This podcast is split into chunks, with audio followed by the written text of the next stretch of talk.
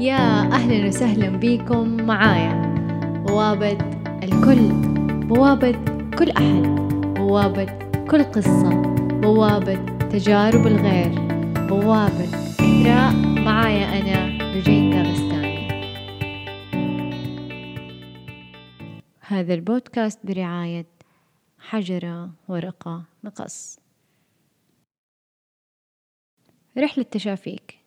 رحلة خاصة وفريدة بك. لا يوجد وصفة موحدة في الكون يمكن للجميع اتباعها للوصول للعافية النفسية لكن تظل العافية رحلة ولكل رحلة أدوات. وفي صندوق خارطة الشفاء عشرة أدوات تشد على يدك وتربط على قلبك في هذه الرحلة.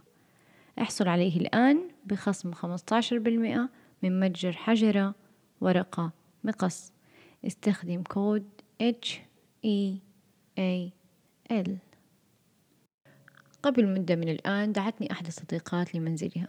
كانت الجمعة بسيطة وخفيفة وقريبة إلى الفؤاد. بعد انتهاء اللمة شارفت الحاضرات على العودة إلى منازلهن.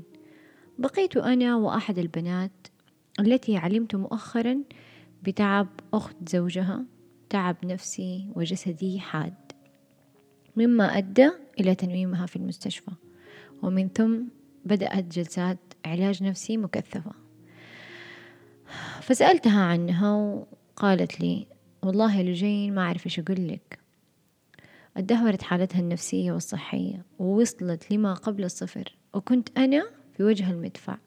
كنت أنا كل شيء. كنت أنا الأم كنت أنا الأخت كنت أنا الصاحبة كنت أنا زي المعالجة. ولا أحد من عائلتها كان متصور حجم المشكلة والعالم الأسود اللي بتعاني منه البنت والآثار النفسية المترتبة على كل هذا اللي هي عاشته. هي تتكلم وأنا أثارت فضولي بعدة أسئلة داخلي. كنت أجهز صياغتها في ذهني لحساسية الموضوع. فهي أكملت وقالت سوء التواصل بين العائلة. الجفاف العاطفي بين أفراد الأسرة هو السبب الأول لتدهور حالتها. فكانت هي بتقول أنا أصلا كنت أسأل نفسي في بداية زواجي من زوجي كيف حأقدر أكمل أكون بينهم ووسطهم؟ فسألتها ليش؟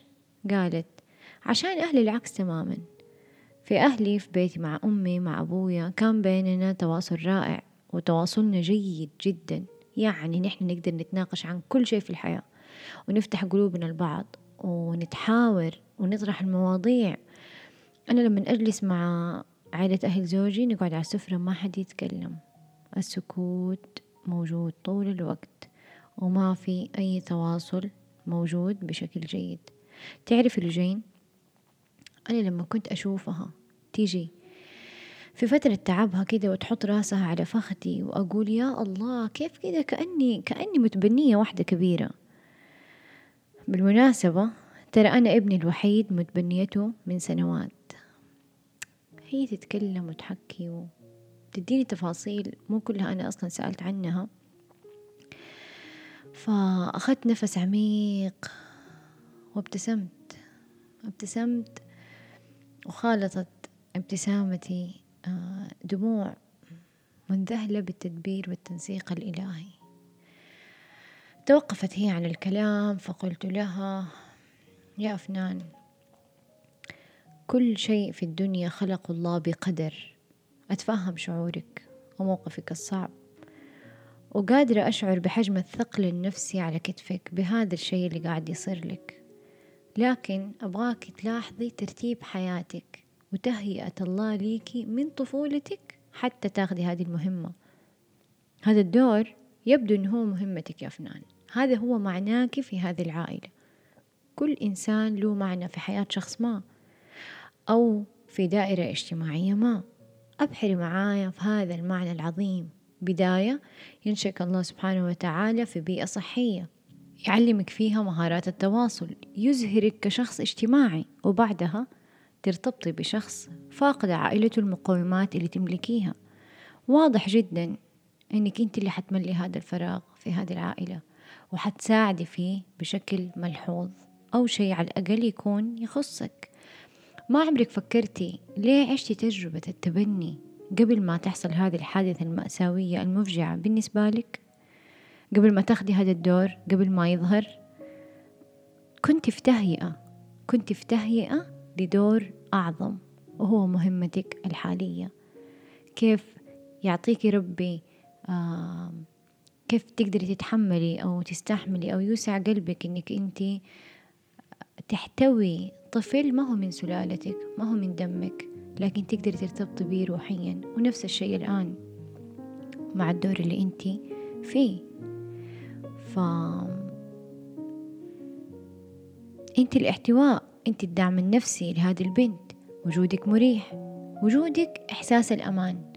أنت الشخص الواعي اللي يدل على طبيب ويدل على معالج نفسي ويوقفها من جديد على طولها. قالت لي سبحان الله سبحان الله حقيقي صح؟ كله صح. ما عمري فكرت كده وهذه الحقيقة مريحة جدا.